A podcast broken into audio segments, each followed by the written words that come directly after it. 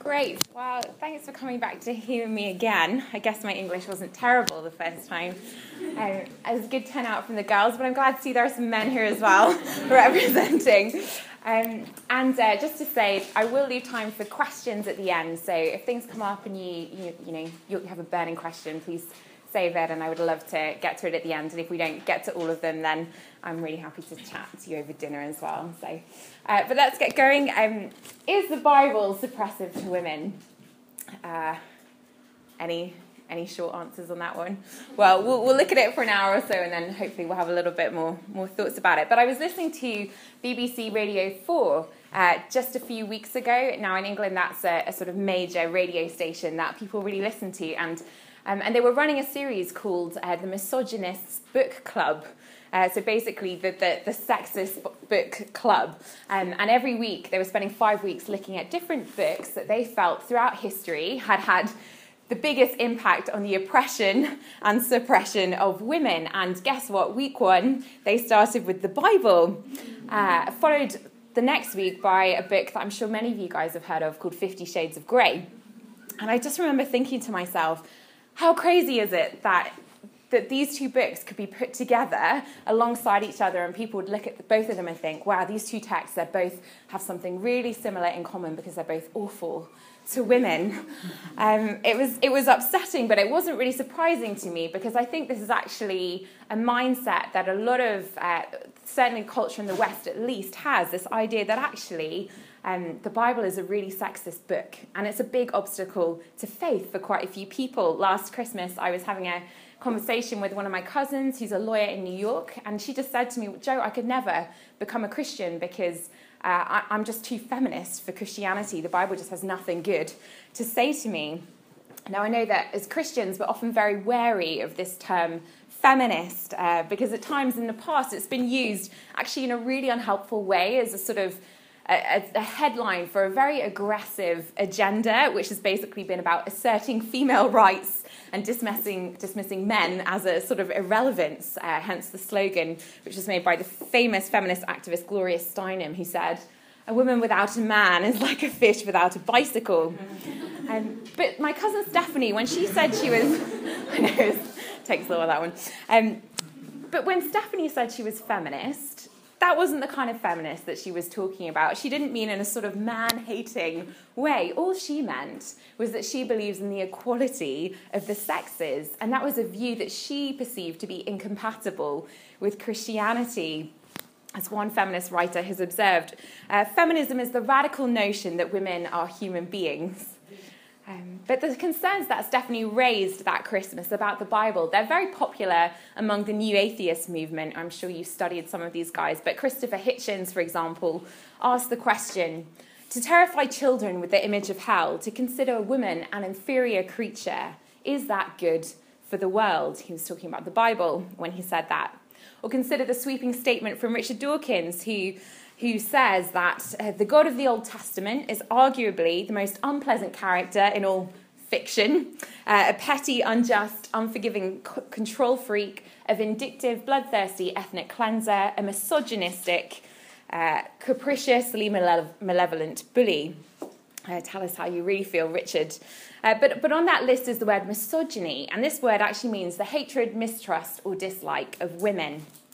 And just like Stephanie, I meet so many men and women who've bought into this idea, um, just this real misconception about what the Bible teaches about gender, and therefore Christianity is thrown out as a result. In fact, in the last few years, I've done a lot of evangelistic talks around this topic, and, and whenever we do this on a university campus, it's actually always the best attended talk because it's just a question that really resonates with people. I think it's just seen as a, an issue of social justice. Uh, this question is God sexist? Um, it's just a question people are asking. But I also think it's an important question for us as Christians, not only because people are asking this outside of the church, but actually because they ask it inside of the church as well.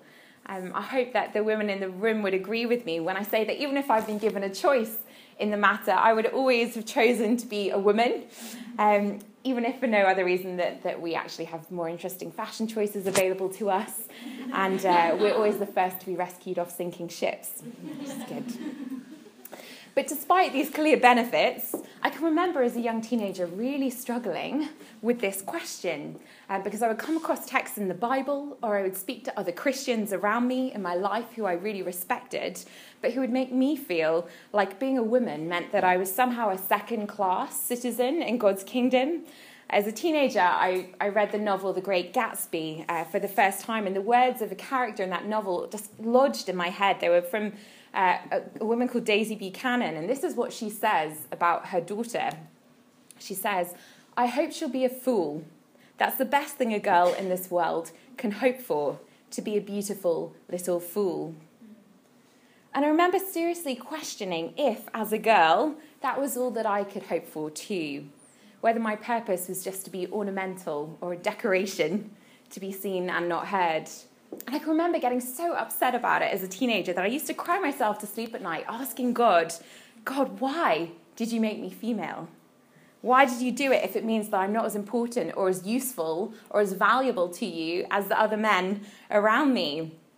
Why would you do this if it means I'm barred from doing the things that deep down I just feel like you've made me for? This doesn't make sense to me. And I've actually seen a lot of women leave the church over exactly this issue because they just don't feel like uh, God values them. And that means that men actually, this is, it's really good you're here because this is a really important question for you too, because the way scripture talks about women will come to radically impact the way that you treat the women in your lives. What will you teach the women around you to believe about their value and their purpose? What sort of impact are you going to have on your sisters, your mothers, your wives, your daughters? I'm delighted to say that over the years of reading and living with the Bible, I've become really convinced that there are no second class citizens in God's kingdom. In fact, at the very heart of the Bible is a message that is not intended to suppress humanity, but rather to liberate them, men and women alike. And so, to help show this, what I want to do today is just a, a, brief overview of the major headlines of what the Bible has to say about women. There's so much we could talk about. We don't have the time to do it all, but I want to run through some of the main things the Bible has to say on this subject. So, the obvious place to start uh, is in the beginning. It's in Genesis, a bad, bad joke on the screen there. Don't worry if you don't get it, it's not very funny. Um, but, but in Genesis, this is where it all begins, and this is where we're given the picture of God's ideal for human relationships before we messed it all up. There's a cartoonist called Nicole Hollander who once commented Can you imagine a world without men? There'd be no crime and lots of fat, happy women. But the Lord works in mysterious ways, and this isn't how He chose to create things. And so instead, from the very beginning, in Genesis chapter 1, we are told that God created man in His own image. In the image of God, He created him. Male and female, He created them. Now, on the basis of this text, some very interesting historical interpretations have taken place. So, for example, the famous 13th century theologian Thomas Aquinas described the first woman as a misbegotten male, basically a misformed, misshapen male. While the 4th century Christian Roman Emperor Gratian claimed that while Adam is God's vicar on earth, he's made in God's image, the woman is not made in the image of God, apparently. But I would argue that actually these interpretations have a lot more to do with the long lasting impact of Greek culture and thought on the Western world than they actually have to do with what the book of Genesis has to say. It was Plato who famously argued that women are totally inferior to men. For example, he claimed this. It's only males who are created directly by the gods and given souls. Those who live rightly return to the stars.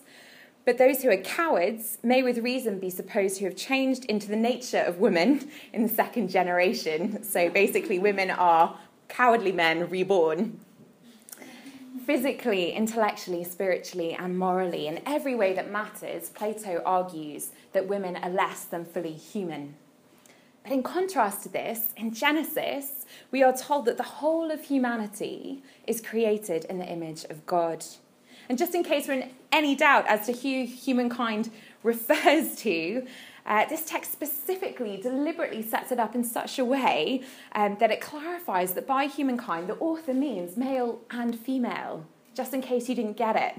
It's like that you know God somehow knew we might get it ourselves a bit tangled up on this issue, so he spells it out for us.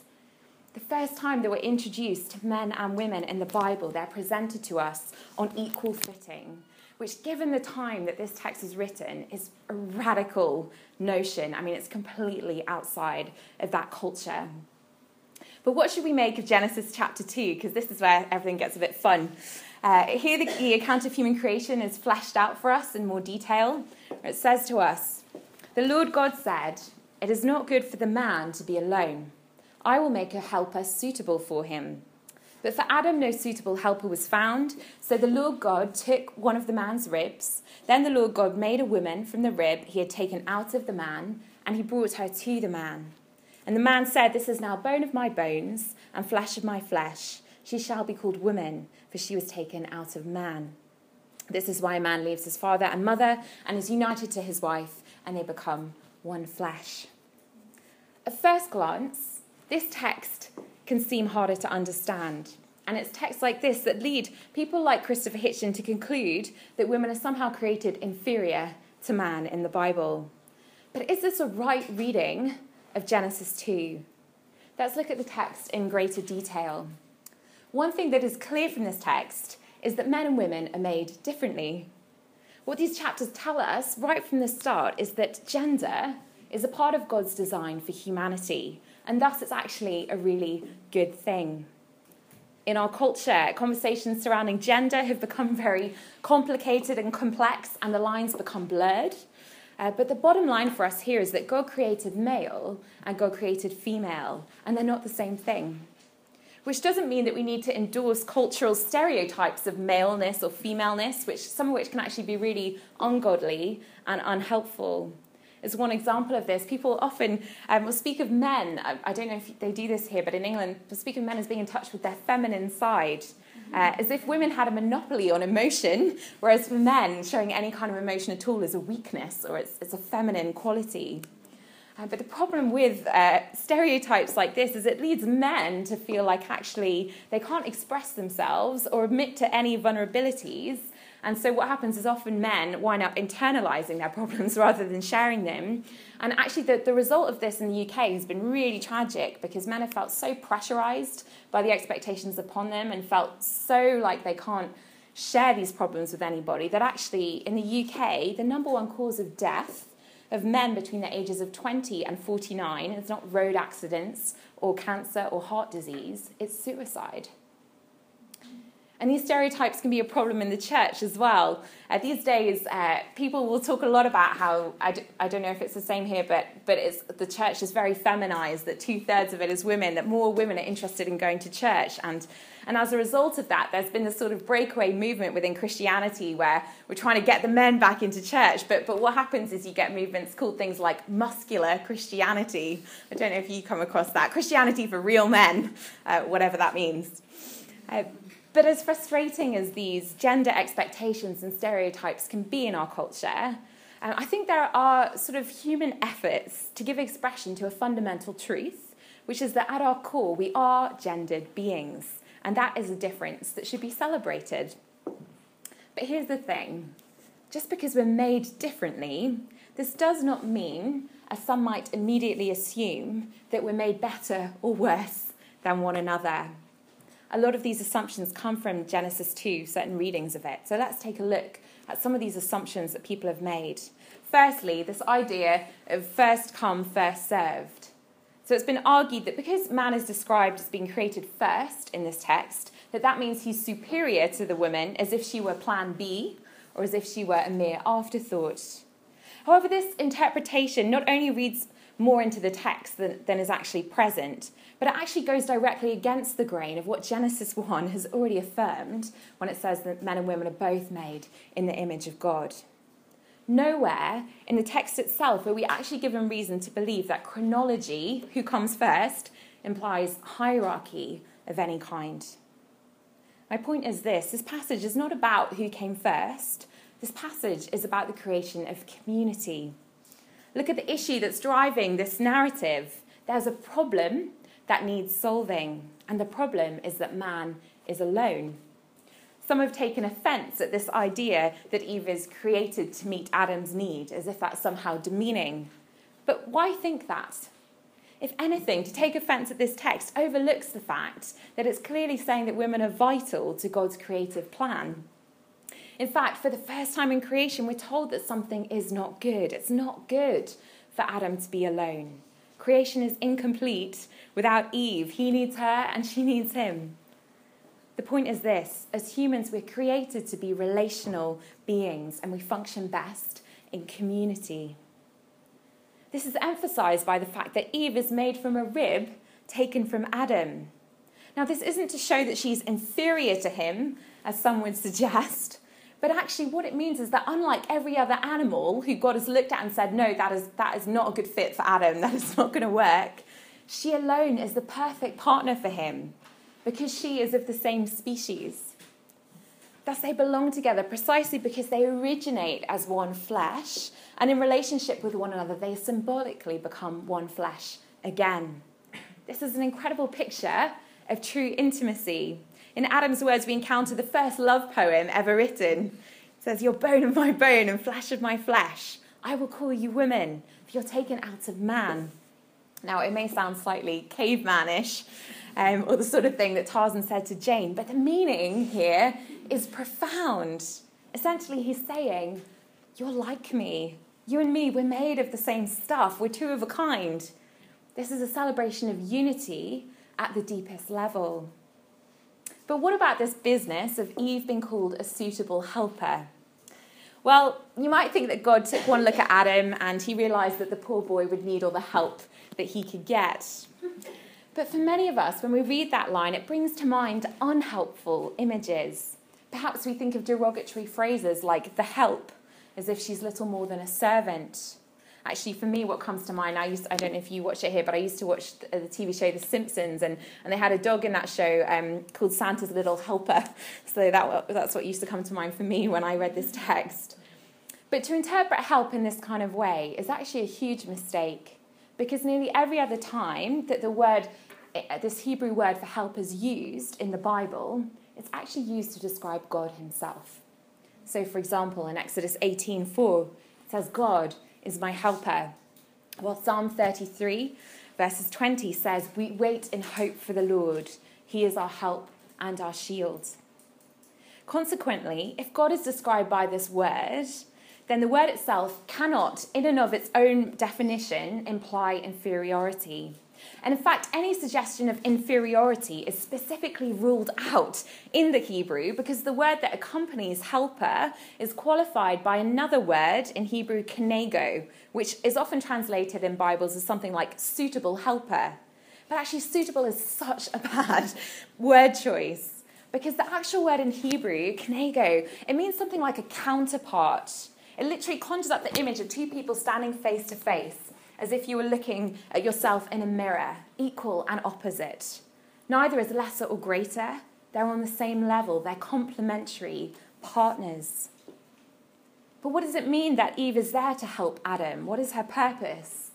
Well, it doesn't mean that she's just there to bear children, um, as St. Augustine, on what we can only assume was a really bad day for him, once suggested. Oh, St. Augustine says this I fail to see what use woman can be to man uh, if one excludes the function of bearing children. I'm sure Augustine's mother had a thing or two to say about that. But in Genesis 2, we don't encounter this division of labor. It's not as if Eve is created to run off to the kitchen while Adam rules the world. That's not what's going on in this text. Instead, humanity has a shared task to complete. Eve is not created and then sent off on her own mission. Rather, she's called to be a true partner to Adam, working alongside him and helping him complete the work that God has already tasked him with to be fruitful and to multiply and to rule the earth together. Therefore, at the heart of creation, at the heart of these narratives, is a story not of first or second class citizens, but it's a beautiful picture of community at its very best, of human beings made different but equal, depending utterly on one another for intimacy and for sharing the load. So, what changed? It's been said that uh, well behaved women seldom make history. And no woman is more infamous for behaving badly than Eve. She messes up. Doubting God and acting selfishly, Eve turns her back on him and she takes the fruit and she gives it to Adam and they both eat it. I actually saw a cartoon the other day uh, which showed Adam and Eve leaving the Garden of Eden, and there's a caption over Eve's head as she leaves, and she's just muttering to herself, I'm never going to hear the end of this, am I? Sadly, history has proven that to be true. Uh, one famous first century Jewish writer called Ben Sira says it this way Sin began with a woman, and because of her, we all must die. And Martin Luther, who kicked off the Reformation in the 1500s, has this to say about women Tis you, women, with your tricks and artifices that lead men into error. But of course, this is only one side of the story. Yes, Eve takes the fruit first. But nowhere in this text does it imply that Adam had his arm twisted or that he put up much of a fight about it. In fact, the text explicitly tells us that while this was going on, Adam was standing right there.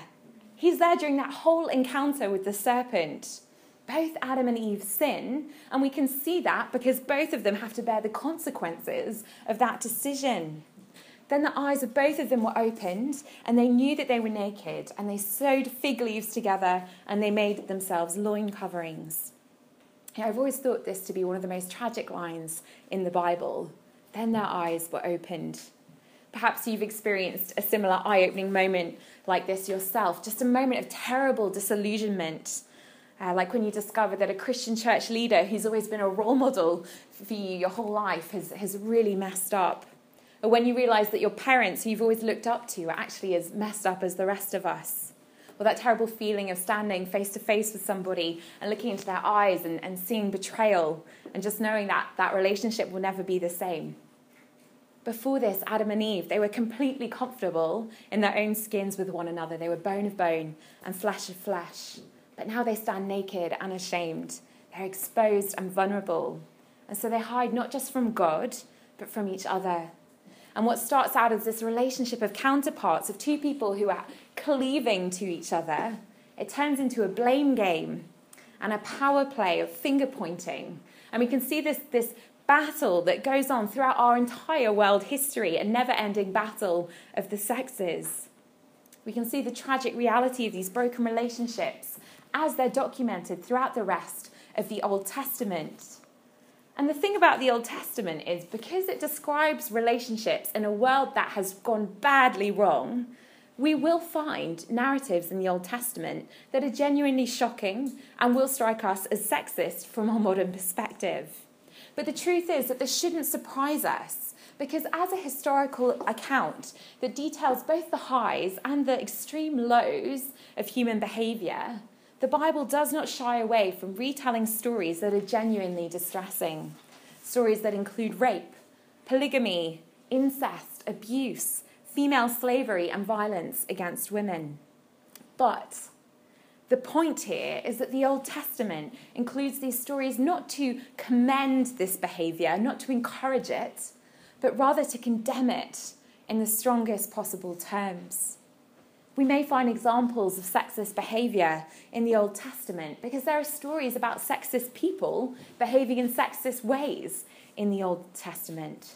But that does not mean that the Bible itself is sexist, nor that God approves of the way that people are behaving which just means that when it comes to reading the Old Testament, we need to be really sensitive to the context. I wonder how many of you have ever had the scarring experience of watching a perfectly okay film or a movie only to have your parents walk in at the exact moment in that film when there's like the one inappropriate scene has just come up on the screen. I remember my sister and I, when we were kids, we were watch, once watching Titanic, and we just got to the scene uh, where Leonardo DiCaprio and Kate Winslet are in a kind of compromising situation in the back of a car, and the windows are all steamed up. And then suddenly, who should walk in but my very conservative grandpa? And I remember he just shook his head and said to us, don't you girls have anything better to watch? and then he walked out, and I honestly couldn't look him in the eye for about a year afterwards. I was so embarrassed. But the thing there is that my grandpa, he walked in on a scene that he didn't understand, and he immediately assumed the very worst on the basis of about five seconds worth of viewing in what is actually like a three hour film. And sometimes this is exactly what happens when it comes to reading the Old Testament. I don't know if you've had people proof text verses at you. It happens to me all the time when I talk about the Old Testament and um, to atheists that, you know, in a university and someone put their hand up and say, well, what about this verse? And they'll just read it off at me, but without explaining what comes before or after or what's going on. They just pull it out and they'll throw it at you. They walk in on a text, they read it, they're shocked, and then they walk out again without taking the time to really find out what's going on. But if we want to make sense of the Old Testament, then we need to take off our 21st century lenses and we need to see it through its own cultural context. And I think that you'd be surprised when you do by actually how advanced the presentation of women in the Bible is compared to the surrounding cultures of the ancient Near East in which it was written. Let's consider just a couple of examples here. So, firstly, the idea of bride prices Christopher Hitchens once the, accused the Bible of implying that among the Israelites, you could buy a wife like you could buy a horse, as if women were considered property and not persons. And in doing so, he's referring to uh, this idea of a bride price mentioned in Genesis 34, verse 12, if you want to make a note. Um, however, a better definition of this word bride price would actually be marriage gift. This is a, a sum of money that the groom's father would give to the bride's father. And the purpose behind this tradition was not actually to purchase a bride as a possession, but actually it was intended as a way of honouring a bride, of declaring your serious intentions towards her, and of bringing two families together.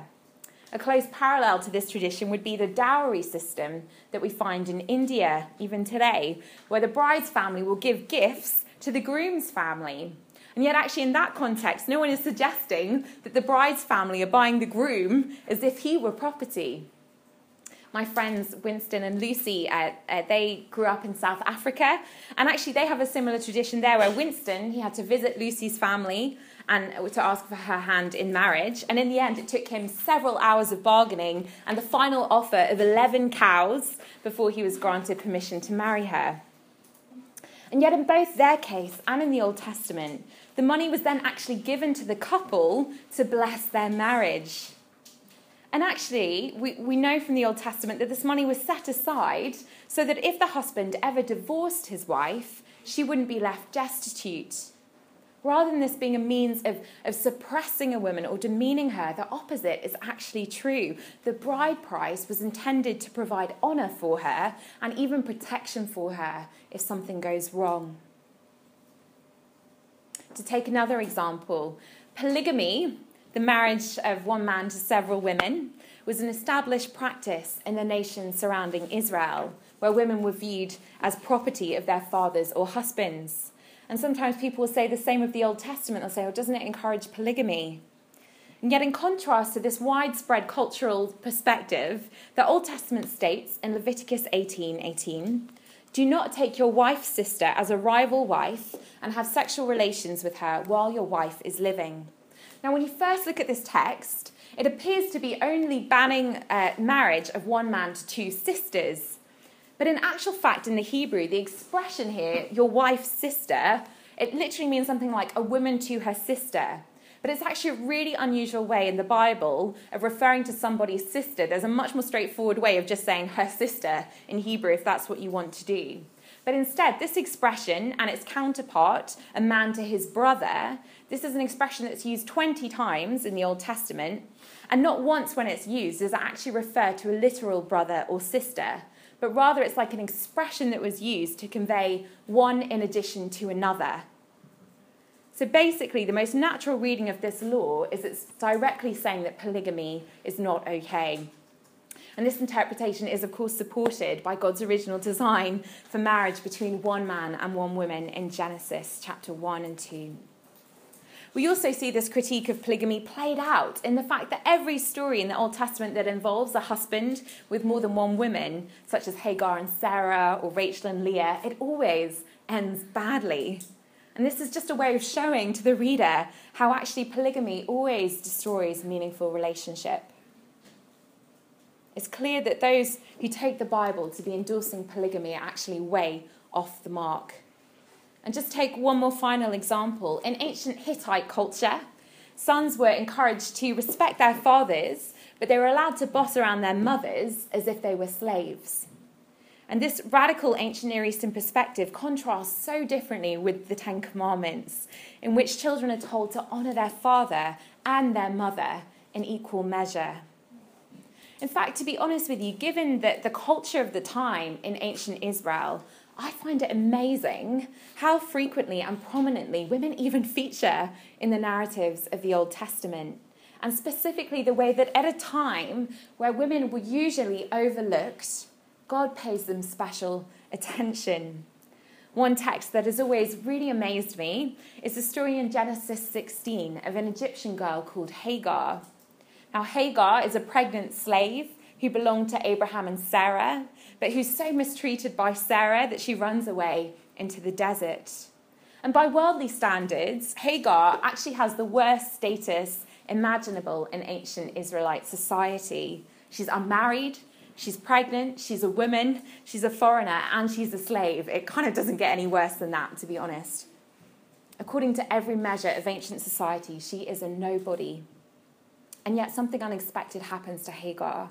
At the worst moment of her life, when she's stranded in the desert with nowhere to go, God dramatically intervenes by sending a divine messenger straight to her. And just think of how remarkable this is. Uh, God revealing himself in this kind of supernatural way is really, really rare in the Bible. And yet, the first time in the Bible that he chooses to reveal himself in this way, he does it to a female, non Israelite slave in response to his generous promise to look after her and her son and her future descendants, we're told that Hagar gave this name to the Lord who spoke to her You are the God who sees me. For she said, I have now seen the one who sees me. This story is staggering.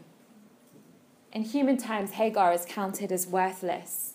Yet, far from being sexist, this story shows the God of the Bible to be someone who shelters and dignifies the very people that the rest of us devalue.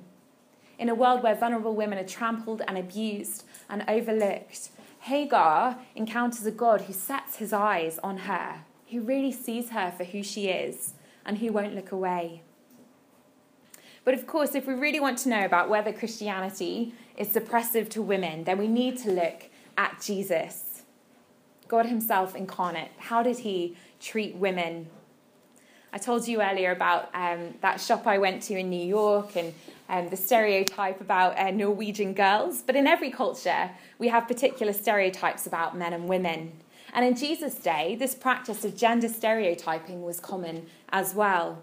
In fact, in both Greek and Jewish literature from the first century BC to AD, it reveals that attitudes towards women at that time were actually far more negative and restrictive in first century Palestine than they were a thousand years earlier in Canaan. Things actually are much worse for women at the time Jesus lived. For example, in the Old Testament, we can see women moving around with relative freedom, such as Rebecca and Rachel, who both were able to go to a well by themselves in public and speak with a stranger, and nothing was thought to be inappropriate about that. But by the time of the first century after death, AD, the influence of Greek culture had led to the belief that women succumbed more easily to sexual temptation than men. And therefore, in order to preserve a woman's purity, unmarried girls who lived in urban contexts in cities were often not even allowed outside of their father's house until after their wedding day, and nor were they allowed to associate with any men outside of their family sphere. As one Jewish author, Ben Sira, wrote just before uh, Jesus' time Keep strict watch over a headstrong daughter, or she may make you a laughing stock to your enemies, a byword in the city, and put you to shame in public gatherings. See that there is no lattice in her room. Do not let her parade her beauty before any man, or spend her time even among married women. For from garments comes the moth, and from a woman comes women's wickedness. Even married women at this time were expected to wear headscarves as a sign that they were unavailable, as well as being strongly discouraged from interacting with any men outside of their family and forbidden from touching them. Perhaps the closest modern day equivalent for us would be a 21st century Islamic culture. So low was the view of women at this time that the Jewish historian Josephus commented that the woman says the law, is in all things inferior to the man. In fact, women were seen to be so inferior that the men of that time offered a daily prayer to God in which they prayed, Praise God that He has not created me a Gentile. Praise be to God that He's not created me a woman. And praise be to God that He's not created me an ignorant man. I like that we at least come in above the ignorant men. And this is the culture that Jesus himself grew up in and lived in, which actually makes his own attitude towards women even more staggering. As a young teenager, I can remember watching a popular comedy show on TV, which would often show women failing at basic life skills like trying to drive a car or something like that. And then they'd inevitably crash it. And then the commentator would always conclude at the end of the program Women, know your limits It's supposed to be funny. but if first century Jewish women had limits, then Jesus was all for overthrowing them. In fact, I find it really difficult to think of a single time in the many occasions where Jesus interacts with women that he isn't breaking one cultural rule or another. Let's just look at a few examples. First, it's worth noting that at the very start of the New Testament, Jesus is introduced to us in Matthew's Gospel um, in his lineage in his genealogy that's explained at the very beginning, it tells us that the four women in his history uh, include Tamar, Rahab, Ruth, and Bathsheba. You know, it's incredibly unusual for a Hebrew genealogy to even mention women, and let alone a list that includes a seductress, a prostitute, a foreigner, and an adulteress. These are four women that the ancient world would have outright condemned, and yet Jesus is unashamed to acknowledge them as part of his history. Secondly, because it was a commonly held belief in Jewish culture at that time that women succumbed more easily to sexual temptation than men, catching sight of a beautiful woman was seen to be a really dangerous thing. So, for example, the Testament of Reuben, which was written in the early second century AD, uh, warns the male reader that evil are women, my children, and since they have no power or strength over man, they'll use wiles of outward attraction that they may draw him into themselves. For women are overcome of the spirit of fornication, of lust, more than men, and in their hearts they plot against men. And by means of their adornment they deceive first the minds, and by the glance of the eye instill the poison, and through the accomplished act they take them captive. Women are dangerous. Similar to Islam today, the seductive power of women was so feared that in Jewish literature, one Jewish law code even states it's more dangerous to walk behind a woman than it is to walk behind a lion. And yet, in his Sermon on the Mount, Jesus turns these cultural assumptions completely on their head when he states in Matthew 5:28, "But I tell you that anyone who looks at a woman lustfully has already committed adultery with her in his heart." You know, in contrast to these male contemporaries who place the blame always on the woman as the cause of a man's struggles with lust, Jesus claims that the origin of those feelings begin not with the woman, but in a man's own heart. Rather than presenting the woman as a seductress, he challenges men to look to themselves first and to take responsibility for objectifying women as sexual objects rather than as human beings made in God's image one of the frequently asked questions that I get is, is why, if Jesus valued women so highly, none of the 12 disciples were female? It's a good question. And in particular, some interpret his selection as a clear statement in favour of male only leadership in the church. This is one possible interpretation. However, I do think that we need to be careful not to read more into the text than may have been intended in this instance. So, for example, Jesus only had 12 Jewish disciples, not Gentiles, and he only had free men rather than slaves. So, does that mean that only Jewish free men are appropriate for church leadership? People often criticize Jesus for not being outspoken or forward enough about the issues of social justice of his day. But the question is might Jesus have had other good reasons for not appointing slaves or Gentiles or women to be among the twelve, and for not making their social oppression his primary agenda in coming to earth. You know, in so many ways, Jesus wasn't the Messiah that the Jews were expecting. He wasn't this military rebel who came to overthrow the oppressive Roman rule and politically free Israel. If anything, Jesus is actually very politically careful uh, both in his approach to culture and politics. So think of his response to the question about paying taxes to Rome. He completely sidesteps it by stating, Give to Caesar what is Caesar's, and give to God what belongs to God. And his reply completely amazed them. Why does Jesus answer this way? Well, it's not because he doesn't care about Roman oppression. It's just that he knows that his mission is far too important to get thrown off or caught up in side issues. Which isn't to say that these side issues aren't important, but sometimes I think good things can distract us from the best thing. So consider the example of slavery. A hundred years before Jesus' death, there was a 700,000 strong army of slaves led by the gladiator Spartacus that revolted against Rome. And after three years and several major victories, they were finally crushed, with 6,000 of those slaves crucified in punishment. But ever since then, Rome would have been really quick to immediately crush any hint of a slave revolt. And so, given the small roots of the early church and the power of Rome, for Christianity to publicly declare itself against the social order of Rome and radically oppose the institution of slavery would have been a certain way to be completely ruined as a movement before the early church even got going. Their opinions on this issue would have turned into the main event, the main headline, obscuring the gospel and turning Jesus' legacy into something else completely.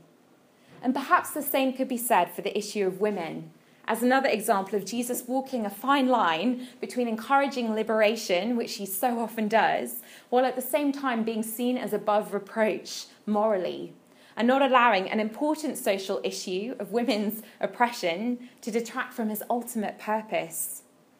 So we see that actually in the Gospels, Jesus is already ridiculed for associating with tax collectors and prostitutes and for not only being financially supported by wealthy women, but even traveling around cities and villages throughout Galilee with both women and men, which was an actually scandalous act for his day.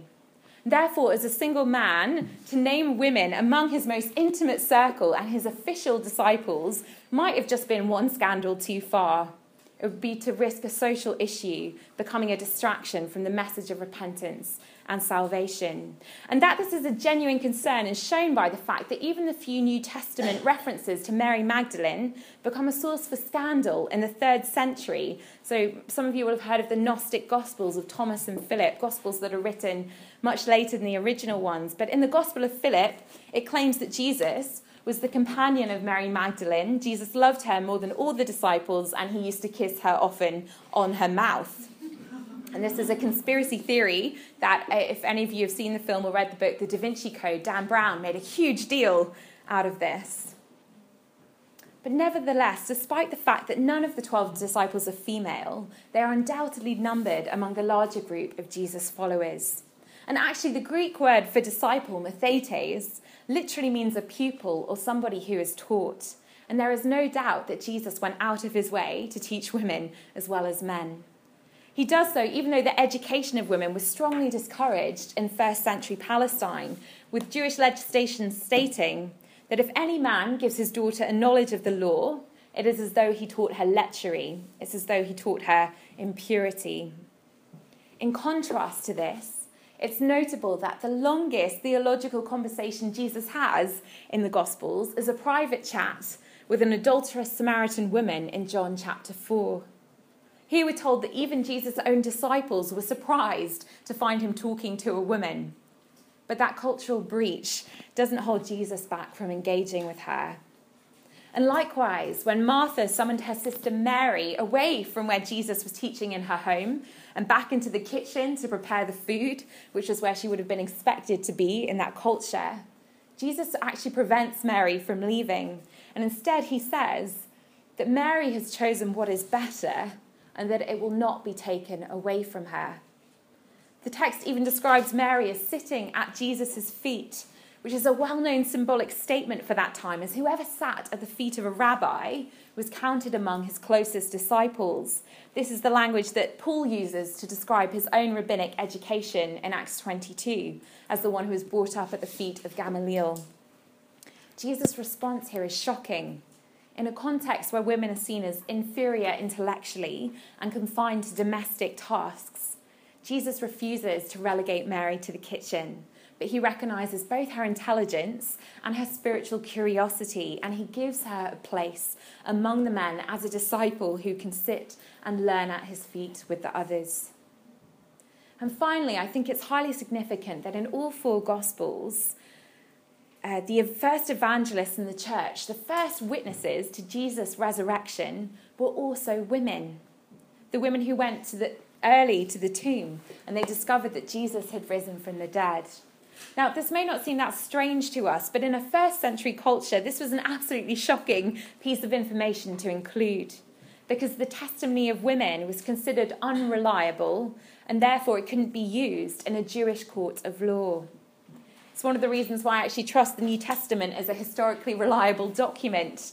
Because if you're going to fake Jesus' resurrection, you would never choose women as your primary witnesses. It was just a sure way to be laughed out of a Jewish court. But despite the legal difficulties, God chooses women to play a key role in his story. And in doing so, he shows that he values women to such an extent that he not only allows them to be the very first witnesses to the most historical, significantly historical event of all time, but he even allowed the credibility of his resurrection to rest upon their testimony, honouring their reputation at the risk of his own. I've only referenced a few of many, many examples scattered throughout all four Gospels but I hope to have at least begun to show how time and again, throughout his whole ministry, Jesus went up against culturally oppressive attitudes towards women and he completely smashes them. He's the one who embraces a bleeding old woman who no one has touched for 12 years. He's the one who refuses to execute a woman caught in adultery by casting stones. And he's the one who's more concerned about his mother's comfort than his own when he hangs dying on a cross. He's the one who allows a prostitute to weep over him and to wash his feet with her tears and her hair in a beautifully intimate act of worship. As Philip Yancey writes, Jesus violated the mores, the rules of his time, in every single encounter with women recorded in the four Gospels. And this attitude is one that carries over into the early church, where women are among the 72 in the upper room at Pentecost who received the Holy Spirit and who helped to found the early church. Now, at this point, I'm not making any theological assumptions about the exact role of women in the early church because I wanted to focus primarily on the question of whether or not the Bible is suppressive towards women. But wherever you come down on this question of women in Christian leadership, it can't be disputed that in the rest of the New Testament, we do see the early church continue to break through certain cultural rules that Jesus had already begun to demolish. So, to consider just a few examples. In a culture where wives were seen as the property of their husbands, Paul makes the radical assertion that just as a wife's body belongs to her husband, so a husband's body belongs to his wife. Or likewise, from a 21st century perspective, we can get really hung up on the fact that Paul tells Ephesian women that they ought to submit to their husbands, because submission in our culture has become kind of a, an unpopular word. But when we do this, we actually overlook the fact that, that both uh, Paul begins this section commanding the church members to submit to one another out of reverence for Christ, but also that in this context, the truly controversial part of Paul's statement in Ephesians 5, which would have been genuinely shocking to his listeners, was Paul's message to the husbands. That in a culture of arranged marriage, where often you know, girls were getting married about 14 to men who were often 30 or 40, much older than them, um, Paul nevertheless tells them that they need to love their wives as their own bodies and even as Christ loved the church to such an extent that they would lay down their lives for them. From my own personal experience, it's no hardship to respect a husband and submit to him by putting him before yourself if he's loving you so sacrificially that day in and day out he's laying down his very life for you. That sounds like a pretty great setup to me. We also know from Paul's letters that women did have a public ministry of praying and prophesying in the early church, that they were deacons, like Phoebe, who's described as a patron or a benefactor, even of Paul in Romans 16. Women were also his co workers in ministry, like the preaching team Priscilla and Aquila, a married couple who both minister together, and actually they also both teach together as well. That's in Acts 18:26.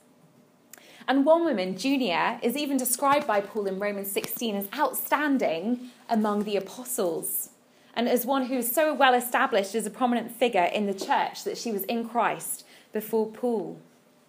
This reference to a woman in an apostolic role uh, actually made certain medieval church fathers really uncomfortable um, so that in their Bible translations, they started changing her name from Junia to the male form of Junias. I don't know if any of your Bibles do this. I noticed it in an NIV just the other day, actually. But historically, we know that Junia is actually a female Roman name. There are hundreds of examples of this name, whereas the male equivalent of this name, Junias, is not even used in the first century AD. The New Testament scholar Richard Bauckham has suggested that perhaps the, the Junia that is referred to here is the Roman name for Joanna, who's the wife of Chuza, the steward of Herod's household, who we're told in the Gospels financially supported Jesus' ministry and who was one of the first witnesses to his resurrection. Now, these are just a few examples of the sorts of kingdom that Jesus came to usher in. A kingdom where cultural prejudices are overturned and women are ex- extended the same welcome and value as men reflecting on Jesus' world changing treatment of women, the Christian novelist and apologist Dorothy L. Sayers says this Perhaps it is no wonder that women were the first at the cradle and the last at the cross. Women have never known a man like this man. There has never been such another. A prophet and a teacher who never nagged at them, never flattered or coaxed or patronized them, who took their questions and arguments seriously, who never mapped out their sphere for them, never urged them to be feminine or jeered at them for being female, who had no axe to grind and no uneasy male dignity to defend, who took them as he found them and was completely unself conscious, both in his teaching and in his activities. Jesus reached out to women as persons who were equally worthy as men in his saving activity in the life of Christ, we see a Saviour who came to destroy all cultural, ethnic, social, and gender prejudices and to open the way for all people to draw near to Him. You know, I've always found it particularly moving that not only did Jesus treat women with remarkable compassion and dignity, but he was so comfortable with men and women alike that he's not afraid to use a female metaphor to describe his own emotions. So, looking down on the city of Jerusalem where he was going to be crucified, Jesus cries out, O Jerusalem, Jerusalem, how often I've longed to gather your children together as a hen gathers her chicks, but you would not. A South African friend of mine was recently telling me about a farmer she knew in South Africa who'd lost his entire crop to a really extreme fire. And while he was going around with the insurance man taking stock of his losses and looking at what he had left, he came across the scorched carcass of a mother hen. And so he prodded this dead hen with his stick. But as he did so, to his astonishment, a number of little baby chicks ran out from underneath. See, what had happened was that the mother had gathered her chicks under her wings, and in the heat of the fire, she died and given her life to save her children. You know, when I heard that story, I immediately thought of Jesus' words when he looks down on Jerusalem, identifying himself and his mission with the fiercely protective love of a mother hen who would give up everything to save her children. For just like the mother hen in this story, at the cross, Jesus takes the heat for us, even when it means giving up his own life. You know, in Jesus, we don't see a God who's sexist, but a God who does everything that he can to ensure that no one, male or female, will be barred from relationship with him. The Bible puts it this way There is neither Jew nor Gentile, neither slave nor free nor is there male and female, for you are all one in Christ Jesus. The liberating truth is that male or female, we can come before God as we really are. And I can honestly say, as a woman, that I've never met anybody who makes me feel more human, more dignified, more encouraged, or more valued than Jesus Christ does. Rather than pushing me away from Christianity, the teaching of the Bible on gender does the exact opposite. Because the way that Jesus treats women is so radical, so affirming, so loving, and so divine that on the basis of that reason alone, I would want to follow Jesus. He's a man who desires the best for me and who loves me better than I could ever love myself. And that is the sort of man that I want to spend time with, and that is the sort of God that I want to worship. Great. I'm going to stop there. I think we have 15 minutes. Is that? Yeah? Great. So, if you want to take a moment to gather your thoughts, sorry, now I've just talked at you for like an hour and your brains are fried.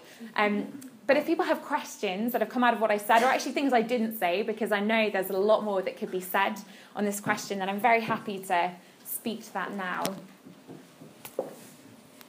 Yes. Yeah, I have a question. Yes. Um, because you often hear the passages in uh, in the Bible, especially that is Paul, Yes. where he talks about, like for example, First Timothy two, Yeah. where let a woman learn quietly with all submissiveness, hmm and then he goes on, like for Adam was formed first, then Yes. and Adam was not deceived, but the woman was deceived, and it seems to be in such a contrast to that Yeah. verse. Yeah. So how?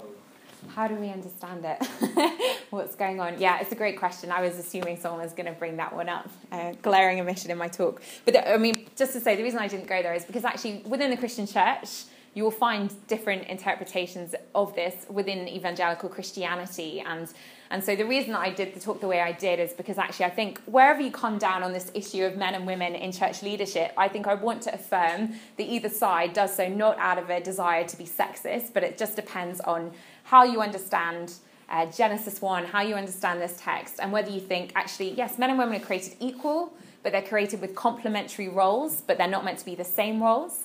Or you say, or you can be egalitarian, which says no women and men can do the same thing. But wherever you come down on that, I just want to affirm it doesn't mean that you're sexist on either side of that issue. And I think sometimes people who are more conservative on that are made to feel like, oh, well, everyone thinks we hate women, and that's just not always the case. My family is split on exactly this issue, actually. My dad's a vicar, he thinks women can be bishops and preach and whatever, and my mum and my brother don't, and I do what I do. So, you know, we're, we're an interesting range. Um, but to come to this text of, of 1 Timothy 2, I think that's far and away probably the most difficult one. And the reason it's difficult is because Paul refers to Genesis 1.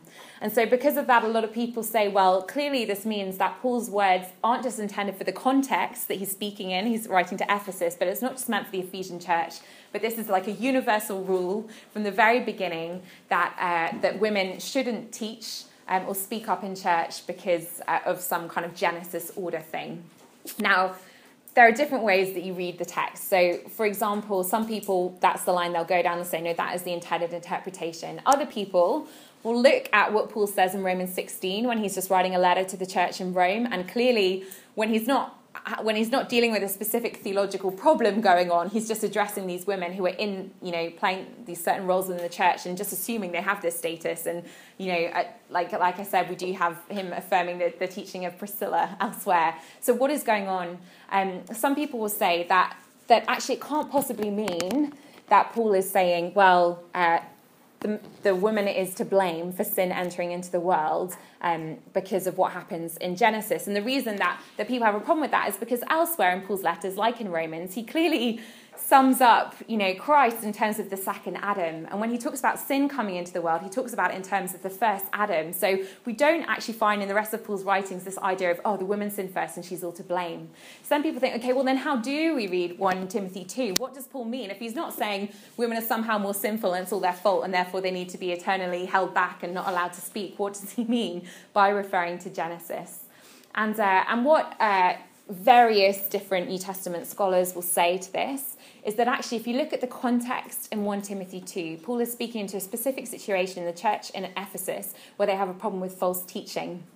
Um, so things are being said that shouldn't be said that are untrue, and it's particularly a problem with the women, um, partly in that context because women are not educated, and therefore it seems that they're disrupting the meetings, they're interrupting what's going on, and they're speaking out, but actually they don't know what they're talking about because they, they haven't been trained. And when you look at what Paul's saying, it's actually really interesting because he says, be silent and, and learn. Learn in silence. So he's not saying to the women, don't learn. He's saying, you're being really disruptive and you're talking, just shut up and listen, basically. Um, but beyond that, so people look at the context of the false teaching and they say, okay, well, why might Paul refer back to Genesis in that context? And actually, I would suggest to you one way to read this is that in Genesis, we find the first example in the Bible of false teaching where a woman listens to a, a serpent and she's led astray. She doesn't understand what is being said to her, and therefore, you know, that's where the first sin comes from. And so Paul is looking at a context where equally women are being led astray by false teaching, and therefore he's saying, look, this has happened before. So, in this context, women, um, stop spreading this false teaching, but be quiet so that you can learn. There are other issues going on in that context. So, in Ephesus, for example, uh, there's a really strong cult um, at the time where actually all the women were priestesses, and, and within that, that cult and that main religion of that state, um, men weren't allowed to serve at all unless they were eunuchs. And so you had a really strong culture of quite extreme feminism in that in the context of that time. So I think some of what is also going on in Timothy is is that's leaking into the church and women are sort of acting like, no, we don't need our husbands, we don't need to come under authority, and they're being quite difficult. And and again, it comes down to an issue of interpretation because um, the word that's used there can either be interpreted as women be silent in the church, or it means wives. And actually, that's quite a different reading depending. And the other thing about that verse, it says, don't. Um, some translations will say, don't, you can't have authority over your husband. Other translations in the Greek will say, actually, no, what this really in the Greek is saying is, don't usurp authority over your husbands. Basically, don't dominate your husbands as if you know uh, you're you're the leader in this relationship, but treat them with respect. Treat your marriages with respect. So I think that's just a few thoughts on that. It's really complicated. A lot of people have argued about it for a long time, but I think for me that's helpful to me because it seems more consistent to read it that way with the rest of what you find in the New Testament than just to think, oh, Paul is saying women should never speak in the church because clearly in 1 Corinthians 11 he's allowing them to speak in the church and he's expecting them to. So we need to look a little bit more deeply about what is going on here. Uh, there's an article that you can find online that I actually think is really, really helpful if you want to look at Paul's treatment of women in the church. It's, it's written by a guy called Ken Bailey, who's just a real expert in the Middle Eastern culture at the time of the New Testament. I forget what the exact name of the article is, but if you just type into Google Ken Bailey, women in the New Testament, the article will come right up. It's K E N as his first name, and then B A I L E Y, Ken Bailey. And it's really short, which is nice, so it's only about five pages, so it's a good way in. Sorry, that was a long answer, uh, but it's it's a tricky passage. So, and please, you know, if there are things I've said on that that you want to talk more about, I'm very happy to talk about it over dinner as well. Um, other other thoughts, other questions? Yes. Yes, I want to just mention very shortly. Yeah. Uh, in Norway, we had a church leader. Yeah. Uh, he died a couple of years ago. Uh, he was really famous. His God is named Børre Knudsen and he uh, once um, talked about the um, the penalty given to Adam and Eve, mm. and then he said uh, the man receiving uh, the question from God, "What did you do?" Yeah. He just points to Eve and he's, he's, he's blaming her. Yeah. She, so he's basically being a coward. Yeah. But she, on the other hand, admits. Yes. Says it as it was. Yeah. And so there is a difference in the, in, in, in the response to God, which to him was yeah. quite fundamental. Yeah. Man is clearly a coward, but she was honest and, and said it as it was. Yeah. I think that's a, that's a good point. yeah. That is a good. That is a good point, and I, you know, different people will say different things about that text. Another thing you hear often alongside of that is that um, Adam was also the one who was there when God issued the command in the first place about the trees. So in a way, he heard it straight directly, and so some would say actually he had the greater responsibility in that situation, and yet he just stands there and says nothing while well and lets it happen and joins in. So, you know, ultimately, I don't. I think the point is they both messed that one up. yeah. Other questions? Yes. So if you, when you look at the Old Testament yeah. and the, the, the, story that unfolds, uh, mm. it's, it's, it is very male dominant. Yes. yes. For example, God, uh, God uh, gave the, the, the, the, promise or the, the covenant to, mm. to Abraham. Yes. Uh, for um, what will what would unfold uh, yeah. through history, and uh, all the generations would come from him. And, yeah. and and so so it is many times that, that mm. men are given leadership yes. from God and. Yeah. Uh, in genealogies, for example, the, mm-hmm. the, often the male or the sons are mentioned, and not the daughters that are, yeah. are born. Yeah. Um, so, in general, it's very yes male, male head. dominant. Yes. And, and, yeah. and God is part of that history. I mean, yes. appointing the leadership. Yeah. So, so what's your Why, why is that going on? You know, that's a really great question. Um, I think there are, there are different ways that people tackle that issue. One of them to say, so for example, the fact that the priesthood is male, it, you know, has often been a, a big one. But, but I think the, the difficulty, like I was saying before, is the Old Testament is such a different culture and it's such a different world that sometimes it's hard for us to step into it and figure out exactly what was going on. So, for example, in the culture of the ancient Near East at that time in Canaan, um, there was a lot of worship of um, male and female gods, and particularly at that time, there was a real culture within their worship of fertility religions where where the way that you would worship would actually be through cultic prostitution. So you'd go to the temple and you'd have sex with a female priestess.